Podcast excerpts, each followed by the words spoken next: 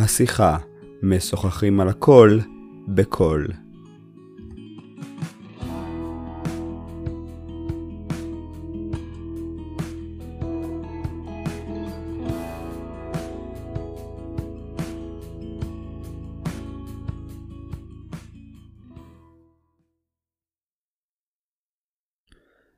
בעקבות הפודקאסט הקודם, שבו דיברתי מה עושה מתבגר שצופה בפורנוגרפיה, החלטתי לעשות גם uh, פודקאסט שמדבר מה אומרים להורה שמגלה שבנו צופה בפורנוגרפיה, או לפחות חושד שבנו צופה.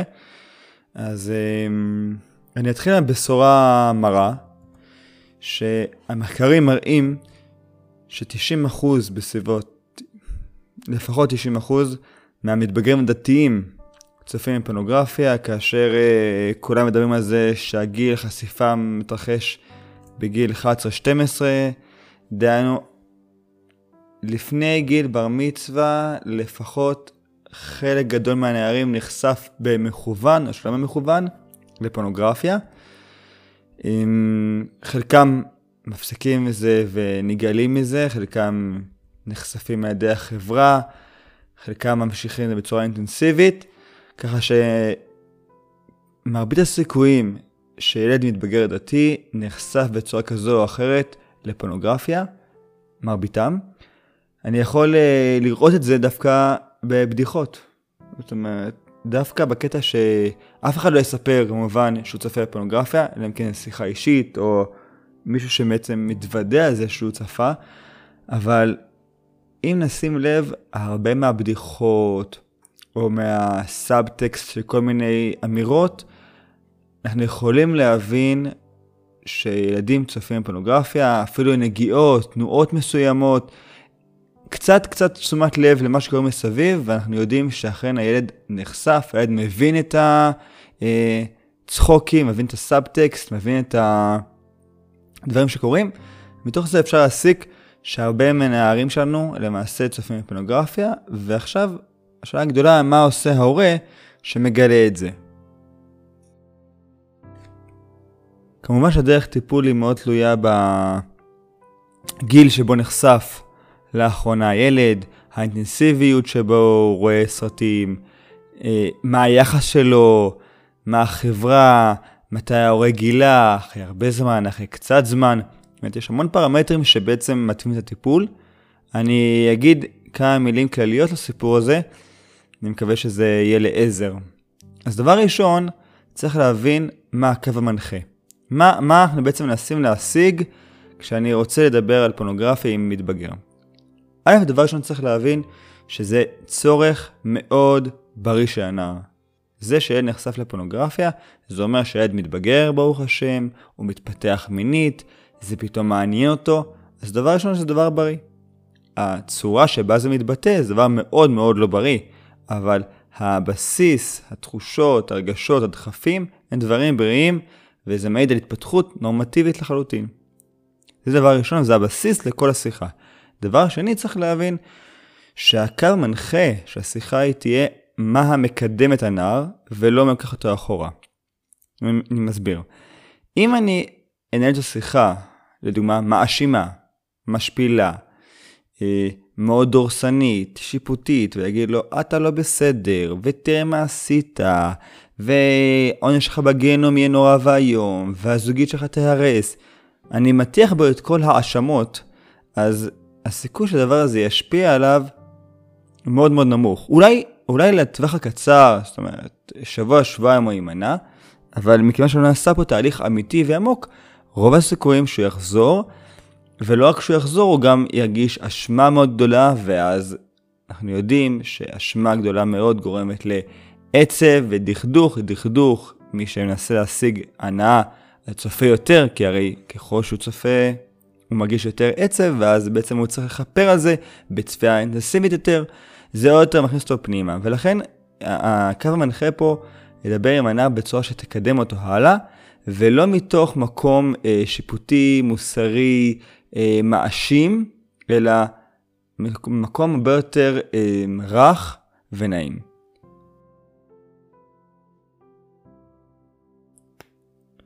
אז בואו נקדים ונאמר מה לא עושים. לא מאשימים. לא אומרים לו, אתה פושע, אתה אשם, המעשים שלך נוראים, הדברים שאתה עושה בלתי ניתנים למחילה וסליחה. אה, לא חוקרים אותו. לא אומרים לו מה עשית בשעה הזאת והזאת, מה עשית פה ופה, אני צופה אחריך, אני עוקב אחריך באינסטגרם, או אני עושה לך אה, בדיקה של ההיסטוריה בגלישה שלך. לא מבצעים, העד שלנו לא פושע פלילי, לא צריך לבצע אחריו שום חקירה פלילית, ולא אה, לשים אותו על דוכן נאשמים ולהתחיל לחקור אותו איפה היית פה והיית איפה היית פה. הדברים האלה לא מקדמים. דבר נוסף, לא צורכים, מתעצבנים, ודאי שלא מכים. כל תגובה היסטרית היא ידי דבר אחד בלבד, שההורה עצמו בפאניקה והוא בלחץ לא יודע מה לעשות. אז יכול להיות שהוא מרוב שהוא מאוכזב, הוא מתבייש בילד שלו, הוא פוגע את כל התסכולים שלו על הילד.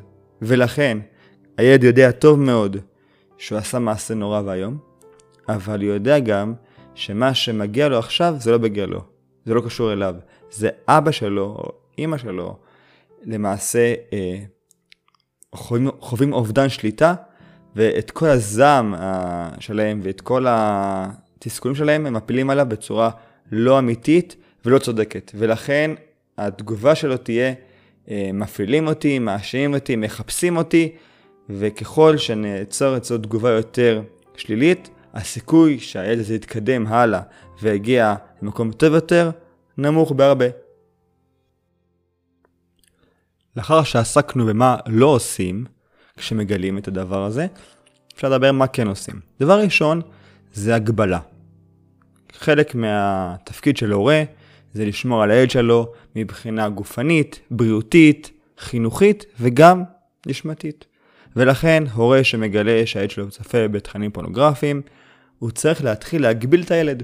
כמו שברור לנו ששומרים על המוצרי חשמל שלא אה, יפגעו בילדים, במדרגות, כשנוסעים לטיול אז שהילד לא ישתולל וייפול מאיזה צוק, ככה ברור שהילד צריך סוג של הגבלות, לא ממקום של עונש, אלא ממקום של אני שומר עליך, אני רוצה בטובתך האישית, גם אם אתה לא מסכים עם זה, זאת אומרת, הילד לא צריך להסכים עם ההגבלות שלו, אבל ההורה צריך להיות בטוח בעצמו שמה שהוא עושה זה דבר טוב עבור הילד, ולכן זה יתקבל אצל הילד בהבנה.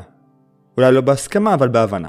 ולכן, הדבר הראשון שצריך לעשות זה אמ, בצורה עניינית להודיע, מעכשיו יש בבית צינון כזה וכזה, יש היום אה, באינטרנט רימון לדוגמה כמה רמות, אבא צריך להחליט, או ההורים צריכים להחליט ביחד כמובן, מה הרמה הרצויה אצלם בבית. דבר נוסף, אפשר להעביר את המחשב מהחדר הפרטי לסלון, להתחיל מעקב באמצעות תוכנות, להודיע לו, תדע לך, בצורה גלויה, לא שעכשיו יש לך במכשיר פלאפון תוכנה שאני רוצה לעקוב אחרי מה שאתה עושה, או להודיע לו, אני בודק את ההיסטוריה שלך, שהילד ידע, לא יהיה מקום של אה, חקירה פלילית ולא יהיה מקום של אה, אני בודק ועוקב אחריך כי אתה חשוד, אלא כי אני שומר עליך, מגן עליך, ואני רוצה לעזור לך. אבל עדיין זה לא פתרון מלא. כמו שאנחנו מבינים, סינון ומניעה ומעקב הם תמיד חצי מהכוס, הם עדיין לא פתרון הוליסטי, כי למעשה כשהילד יוכל לראות אצל חבר, או כשהילד אה, ישיג תכנים מיניים בצורה אחרת, הוא ישתמש בהם, כי הוא לא למד והבין למה לא, הוא רק יודע שעכשיו יותר קשה להשיג הבית כאלה דברים, ולכן צריך לבצע את השלב המורכב יותר, שזה השלב של השיחה או הדיבור על הנושא הזה. זאת אומרת, אם השלב הראשון היה לוגיסטי, היה טכני והוא היה קל, כי למעשה קל מאוד לבצע הגבלה וסינון, כי זה דבר אה, טכני לחלוטין, פה ההורה צריך לדבר על תכנים מיניים שלהרבה הורים קשה לדבר עליהם. בניגוד להסבר עבור הילד על סיר רותח למשל, אתה יכול להגיד לו בצורה פשוטה חביבי, אתה לא נוגע בסיר הזה, זה חם וזה מסוכן. ההסבר הוא טכני. כשמגיעים לנושאים מיניים, אז הרבה רגשות מתערבים בסיפור הזה. רגשות של בושה, רגשות של חשיפה. אה, ההורה לא יודע את כל המידע. יש הרבה דברים, הורים שלא מכירים את כל הנושא המיני, הם לא קיבלו הדרכה, הם קיבלו הדרכה ולא מרגישים בנוח לדבר על זה. יש הרבה אה, גם תחושות של בין הילד לבין האבא. זאת אומרת, אם אני מדבר איתך על הנושאים האלה, משמע שיש פה שיפוטיות כלפיך, כי אתה לא בסדר בנושא הזה. אב מפחד שהוא יחשוף את עצמו, או דברים שהוא עשה בתור מתבגר, או כהורה. לכן, הרבה רגשות בסיפור הזה, ואי אפשר להגיד להורה, יאללה, תדבר על זה בצורה רגילה, כמו שאתה מדבר על uh, כמה מסוכן לגעת בסיר רותח, ככה תסביר כמה מסוכן לראות סרטים פורנוגרפיים. זה לא עובד הדבר, זה, זה לא אותו סקאלה, כי הרבה רגשות והרבה חרדות, בושות ואכזבות אפילו נמצאות בסיפור הזה, ולכן כל השיחה הזאתי הרבה יותר קשה להורים, ולכן צריך לדבר על זה בצורה הרבה יותר מושכלת. אפשר לפתוח בשיחה רגילה, שאבא יזמן את, את, אה, את בנו, בוא, שב בני ונדבר על הנושא, אבל זה דבר מאוד קשה. אפילו לי כהורה שמתמחה בתחום הזה ויועץ בתחום הזה ומדבר וכתבתי על זה המון המון חומר, אני עדיין לא עשיתי את זה עם הבן שלי, אבל הרבה יותר קל לבצע שיחה בעקבות טריגר. לצערנו היום החדשות מלאות בסיפורים מזעזעים של אה, פגיעה מינית, של אונס, של אמ, כל מיני הטרדות מיניות, ופה הרבה יותר קל לנהל שיחה. כי יש טריגר שמזמן את השיחה אותי, זה לא מלחיץ מדי, כי אבא לא אומר לבן, בוא נשב ביחד ונדבר, אלא זה פשוט קורה כי, כי זה, החיים זורמים מהדבר הזה, ואז אתה אומר לילד, אה, תגיד לי, מה אתה אומר על זה? אתם נגיד רואים בטלוויזיה איזה ידיעה, או קוראים בחדשות ביחד איזה משהו, בעיתון, או באתר אינטרנט, ואז, או אפילו הבן שואל אותך, מה, מה, מה קרה שם בסיפור הזה? ואז מגיע לסוג של מבחן. אם אתה נעלם ושותק, אומר, לא, לא, לא משנה, אז הפסדת פה טריגר. אבל אתה אומר, אוקיי, כמו כל מורה טוב, אתה בעצם זורק את השאלה לצד שני. מה אתה חושב שקרה? מה זה? מה אתה יודע? אז הדבר הזה מזמן לנו הרבה הרבה שאלות שאפשר לשאול. מה אתה חושב? מה אתה יודע על הנושא הזה? למה זה קורה? אפילו אפשרות לחשיפה של הילד.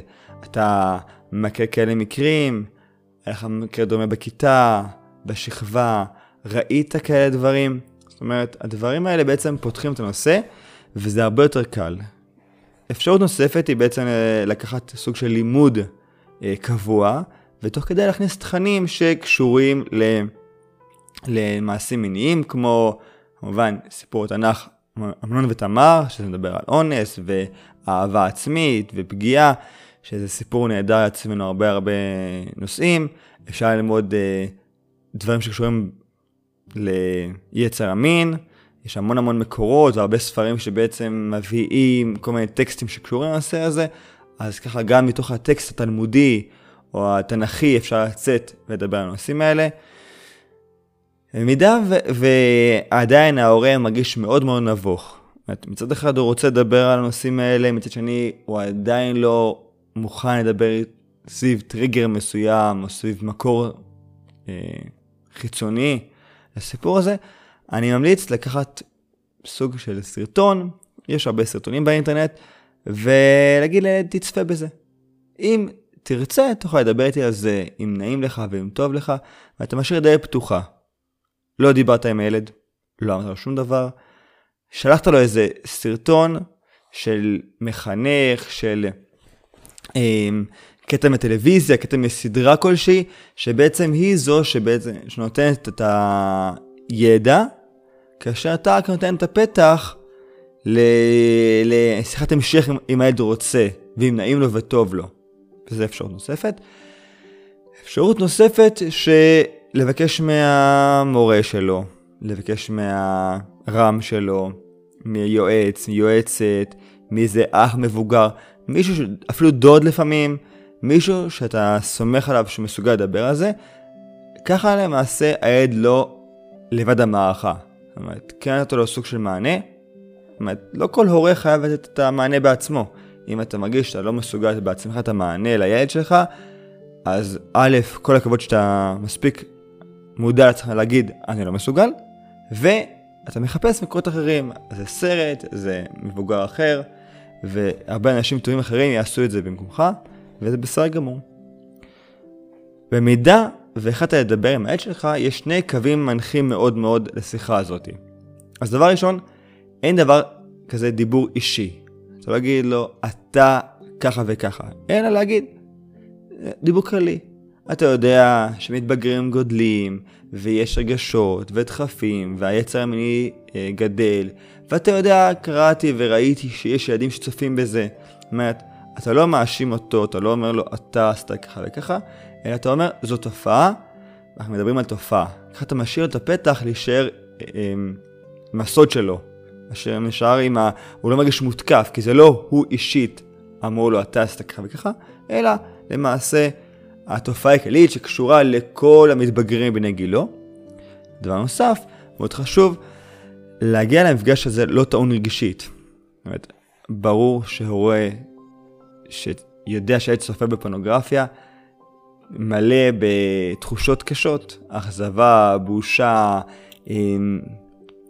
אפילו חרדה, מה הילד שלי, מה יקרה איתו, ואם ההורה מגיע כולו מפוצץ רגשית, כשהילד יתנגד, או יכחיש, או יגיד זה שקר, אז ההורה ישר יתפוצץ, ובמקום לקדם את הילד למקום יותר טוב, ניקח אותו אחורה.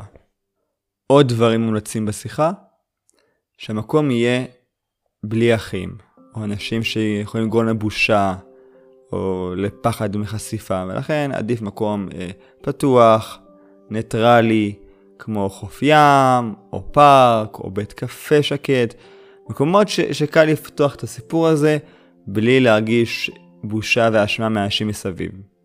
וחשוב מאוד, לאורך כל השיחה, לחייך, לחבק, להדגיש, אני אוהב אותך, אני דואג לך, גם אבא וגם אמא, שנינו ביחד, רוצים בטובתך. זאת אומרת, גם אם יהיה תכנים קשים במפגש, גם אם יהיה דברים מאוד לא נעימים, תמיד המסגרת המכילה והאוהבת והמחבקת תהיה שם ברקע. אז הילד לא מרגיש שהוא נטשו אותו והוא על דוכן הנאשמים, אלא מישהו שרוצה בטובתו, לוקח אותו הלאה ומקדם אותו. עכשיו, עוד פטנט חשוב, לכתוב לפני מה רוצים להגיד.